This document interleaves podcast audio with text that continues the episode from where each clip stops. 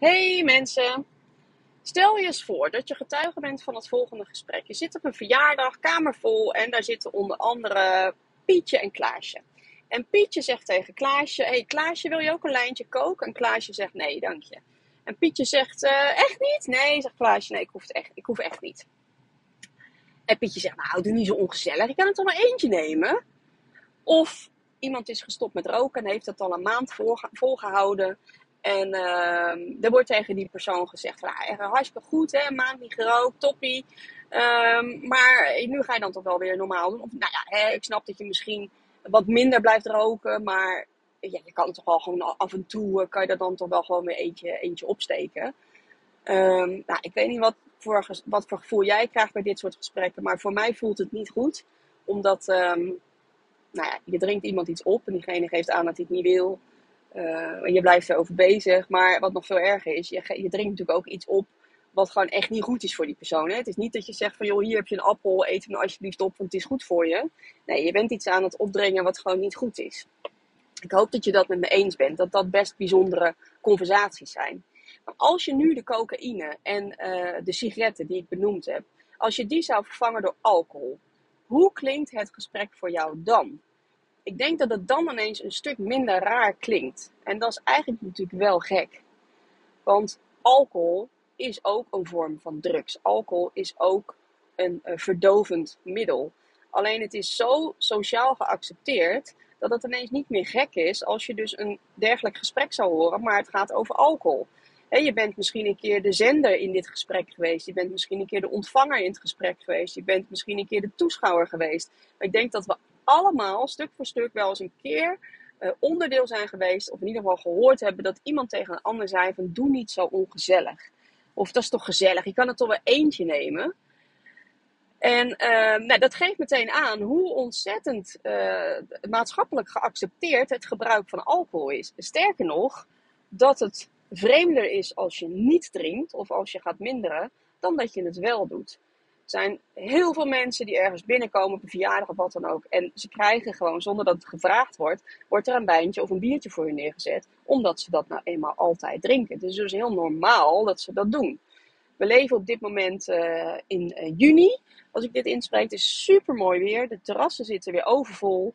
En als je dan kijkt wat het meeste gedronken wordt, dat is toch echt wel uh, de wijn en, en de rosé en, en het bier. Het is heel normaal. Um, mijn zoon die zit op voetbal. Nou, hij is op dit moment, as we speak, is hij 15 jaar. Dus volgens mij speelt alcohol nog geen rol. Althans, niet naar mijn weten. Uh, maar ik ben dus wel regelmatig in voetbalkantines te vinden. En als je daar kijkt hoe normaal het is dat je dus aan het bier gaat als voetballer zijnde. Dat, dat vind ik echt shocking. En ik kan me ook zo goed voorstellen dat als je, als je jong bent, dat je niet bestand bent tegen de druk die opgelegd wordt om dat ook te nemen. Want ik, hè, ik geef het je te doen. Hè. Als jij onderdeel bent van een voetbalteam en iedereen gaat aan het bier en de kannetjes bier worden aangerukt, ga jij dan als enige zeggen: Doe mij maar een colaatje of doe mij maar een frisje? De grote kans dat je dat niet gaat doen. En ik ben er ook van overtuigd dat er heel weinig mensen zijn die hun eerste biertje of hun eerste sigaretje super, super lekker vonden. Dat is bijna nooit zo. Dus je moet daaraan wennen. Je moet het jezelf ook nog eens gaan leren drinken. Ja, waarom zou je in vredesnaam iets gaan leren drinken wat zo slecht voor je is? Maar je wil niet, um, je wil niet anders zijn dan de rest. Je wil niet buiten de boot vallen. Dus ga je dat doen wat de omgeving van jou verwacht en wat iedereen doet. En zo hou je dus dat gedrag lekker met z'n allen bij elkaar in stand. Um, en is inmiddels dus uh, alcoholgebruik volledig geaccepteerd en heel normaal geworden als jij besluit van nou, ik moet daar echt iets mee, ik wil daar iets mee, dan uh, wapen je maar en uh, zorg dat je, uh, of hou er in ieder geval rekening mee dat je opmerkingen zult krijgen. je zult de opmerking krijgen, nou, ga je dan helemaal nooit meer drinken? Of waarom is dat dan? Of ah, doe niet zo ongezellig. Wat natuurlijk in wezen bizarre opmerkingen zijn. Want dan wordt gewoon tegen je gezegd dat je dus minder gezellig bent op het moment dat je alcohol drinkt. Of dat je geen alcohol drinkt. En dat zegt de zender op dat moment eigenlijk ook over zichzelf. Dat het dus minder gezellig is, of dat die persoon minder gezellig is. Als hij geen alcohol heeft gedronken. Dat, dat is, dat, ik vind dat echt bijzondere gedachtegangen om over na te denken. Realiseer je op zo'n moment dat dit niets over jou zegt, maar alles over de zender. En dat jij een spiegel voorhoudt. Dat is wat je eigenlijk doet. Jij neemt op dat moment de verstandige beslissing. Ik ben ervan overtuigd dat degene die de opmerking maakt dat ook zo voelt en zo ervaart. Uh, alleen diegene die is van plan om een iets minder verstandige beslissing te nemen en wel alcohol te nemen. En uh, je laat dat dus direct zien doordat jij zegt: nee, ik doe het niet. Laat je eigenlijk zien van ja, wat jij doet is misschien niet zo heel handig. En dat is helemaal niet je intentie, hè? dat is niet je bedoeling, want je maakt die keuze voor jezelf. Het is helemaal niet jouw bedoeling om een ander daarmee af te keuren, maar zo voelt die persoon dat wel. Dus wat is dan de makkelijkste oplossing? Is om ervoor te zorgen dat jij het ook gaat doen. Want dan valt het niet op dat de ene iets anders doet, iets anders doet dan de ander. Dat is wat hier aan de hand is. Um, en daar moet je dus tegen wapen. Dan moet je sterk genoeg in je schoenen staan. Niet de discussie aangaan. Um, hè, gaan, ik, ja, mijn advies is: ga niet de discussie aan of alcohol nou wel of niet slecht voor je is. Want hè, iedereen kent wel uh, mijn oom of tante die ook 90 geworden is en elke dag een jonge jenever dronk. Um, die discussie moet je helemaal niet willen aangaan. Zeg gewoon, joh, ik ben, met een, uh, ik ben met mijn leefstijl bezig. Ik wil mijn leefstijl aanpassen. Ik wil wat meer op mijn gezondheid letten. En voor mij voelt dit als de juiste keuze. Alsjeblieft, accepteer het. Respecteer het. Uh, blijf het me niet opdringen, want ik vind het best wel lastig. Ik vind het namelijk ook gewoon lekker, want anders had ik het al die tijd niet gedronken. Maar uh, als ik nee zeg, dan is het gewoon nee en help me daar alsjeblieft bij. Nou, en dan zullen je naasten, je familie en je beste vrienden en zo, die zullen je daar hopelijk echt bij helpen. En is dat niet zo, realiseer je dan heel goed dat het alles zegt over de ander en uh, niets over jou. En dat jij zeker hierin lekker gewoon je eigen kop moet blijven volgen. En als enige bepaalt wat er, uh, wat er bij jou ingaat. Um, als jij op dit moment uh, overgangsklachten hebt en je drinkt regelmatig alcohol, dan is het echt aan te raden dat je het alcoholgebruik uh, ja, gaat minimaliseren en het liefst helemaal stop gaat zetten. Als je last hebt van opvliegers, als je last hebt van nachtelijk zweten, uh, al dat soort dingen. Probeer eens wat het niet gebruiken van alcohol, wat dat voor je doet. Slaapproblemen, veel gehoord in de overgang. Stop met het gebruik van alcohol. Of minimaliseer het en ga de verschillen. Doe dat ook voor wat langere tijd. Ga de verschillen eens ervaren. Want alcohol heeft zo'n enorm negatief effect op uh, de manier waarop jij de overgang doorkomt. Dus dat is zeker een, uh, een mooi winstpunt om te gaan uh, onderzoeken. Um, als je meer wilt verdiepen in wat alcohol lichamelijk en ook geestelijk met jou doet, dan raad ik je een ijzersterke podcast aan. Dat is de podcast Eerlijk over alcohol. Hij is van Koos van Plateringen. Koos van Plateringen is een um, alcoholist. Hij is journalist, hij is presentator en hij is in deze podcast goud eerlijk over alcohol.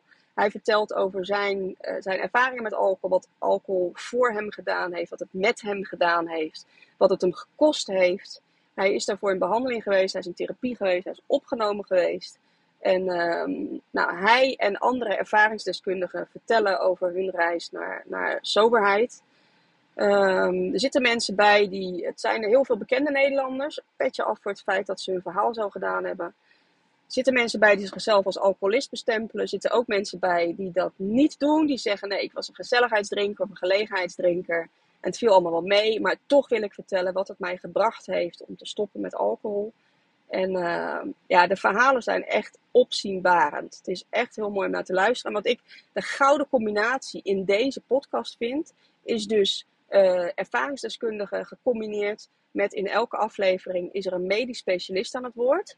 En die medisch specialist die vertelt dus precies op zijn of haar vakgebied wat de gevolgen zijn van alcohol, lichamelijk en geestelijk. Dus je moet je voorstellen, er is een cardioloog aan het woord en die vertelt jou precies uh, wat alcohol doet en wat, wat, wat voor schade het aanbrengt aan het hart. Nou, zo is er ook een neurochirurg, zo is er ook een psychiater. En zo krijg je te horen wat het voor je nieren doet en wat het met je huid doet en wat het met je lever doet. Dus je wordt je heel erg bewust van, uh, jeetje, weet je, dit, dit doe ik mijn lichaam eigenlijk aan. Nou, eh, je kunt zeggen, ik steek mijn kop in het zand, ik wil het allemaal niet weten en ik wil gewoon lekker mijn wijntje en mijn biertje blijven drinken. Even goede vrienden, helemaal prima. Maar wat ik ermee wil zeggen is, als jij al op het randje staat van, nou, moet, ik wil hier eigenlijk wel iets mee dan zou ik je zeker aanraden om deze podcast te gaan beluisteren. Want het zou je namelijk net over het randje heen kunnen trekken om te zeggen van ja, tot hier en niet verder. Dit ga ik mijn lichaam echt niet meer aandoen.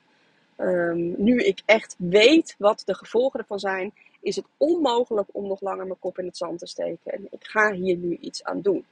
En weet ook dat um, je bent, vervelend misschien om te zeggen of om te horen, je bent sneller een probleemdrinker dan dat je denkt. Want een van de eigenschappen van mensen die te veel drinken, die uh, is dat zij namelijk zeggen dat ze niet te veel drinken. En dat ze het prima onder controle hebben. En dat ze het ook heel goed zonder kunnen. En dat ze daar totaal geen last van zullen hebben. En denk ik, probeer het maar eens. Ga maar, probeer dan maar eens. Ga maar eens een paar maanden stoppen. Drink maar eens een paar maanden geen druppel alcohol. En uh, vertel dan hetzelfde verhaal nog eens, als het dan inderdaad zo is. Kijk, als jij alcohol koppelt aan uh, de manier waarop je je voelt, dus bijvoorbeeld of je het wel of niet gezellig hebt, uh, ja, met of zonder alcohol. Of, wat ik ook altijd een heel belangrijk signaal vind, wat ik vaak meemaak trouwens met de vrouwen waar ik mee werk. Hè. De vrouwen waar ik mee werk, die zijn, uh, veelal zijn ze ondernemer of hebben een, een hele goede baan, hebben een heel druk sociaal leven. Um, en houden bijvoorbeeld heel erg van borrelen met vriendinnen. Nou, dan hebben ze een. Hè, dus alcohol is al in, de, in, die, in hun kringen is wat normaler. Maar wat gebeurt er dan vaak? Dan hebben ze een gigantisch gestreste werkdag achter de rug. En dan vinden ze het zo ongelooflijk lekker om op dat moment te relaxen met een goed glas rood wijn. Als jij niet meer tot rust kunt komen zonder die wijn, dan heb je een probleem. En dan kun je wel zeggen dat is geen probleem, het is wel een probleem. Het probleem, alleen je, verslu je, je, je legt een sluier, je verdoezelt het probleem. Als jij het niet meer gezellig hebt zonder alcohol, als jij opziet tegen een feestje waarop geen alcohol gedronken wordt, als jij denkt van jeetje, als ik thuis kom zo meteen en ik kan alleen maar een bak thee nemen, ik kom gewoon niet meer tot rust zonder de alcohol, dan ben je een probleemdrinker. En dan is het probleem misschien niet dat je excessief alcohol gebruikt. Het probleem is dat je het, um, het, het echte probleem, dat je dat uh, verdoezelt en dus niet aanpakt, omdat je het elke keer wat milder maakt en wat minder gevoelig door dat alcoholgebruik. Maar door, dus iets dat echt niet goed voor je is en dat niet voor niets een verdovend middel heet. Hè? Je, je verdooft je gevoel, je verdooft de stress. Um, ja, en dat is in mijn beleving uh, echt niet goed. Nou, en nu zul je misschien denken, ja, je bent heel erg anti-alcohol. Nou, dat ben ik niet. Ik ben wel anti-alcohol voor mezelf. Bij mij komt er geen druppel in. Um, maar ik ben niet anti-alcohol. Ik ben niet team anti-alcohol. Ik ben team voor bewust alcoholgebruik. Dus als jij besluit van, nou, ik wil gewoon met, drankje blijven doen. En uh, dat hoort er voor mij gewoon bij. Hey, be my guest. Even goede vrienden. Het is jouw leven. Doe waar jij gelukkig van wordt. Maar ik um, wil je wel aan je vragen van verdiep je eens een keer in wat de alcohol met je doet. Uh, dan kun je daarna echt een bewust, bewuste keuze maken. Dus trek je kop uit het zand. Ga er eens naar luisteren. Luister naar de medisch specialisten. En uh, ja, beslis daarna of dit inderdaad is wat jij, wat jij in je lichaam wil stoppen. Um, goed, ik ga het hier weer bij laten dit was hem voor vandaag. Het was trouwens de tweede die ik vandaag opnam. Maar soms dan uh, nou, heb je ineens extra inspiratie. Ik weet niet of ik hem vandaag ga plaatsen, of doe ik het morgen. Maar ik ga nu even lekker aan een. Uh, wat ga ik nemen? Ik ga een colaatje nemen. Cola Zero. Ook niet per se het gezondste drankje dat er bestaat, zul je me niet horen zeggen. Maar in mijn ogen wel tien keer beter dan een glas wijn. Cheers!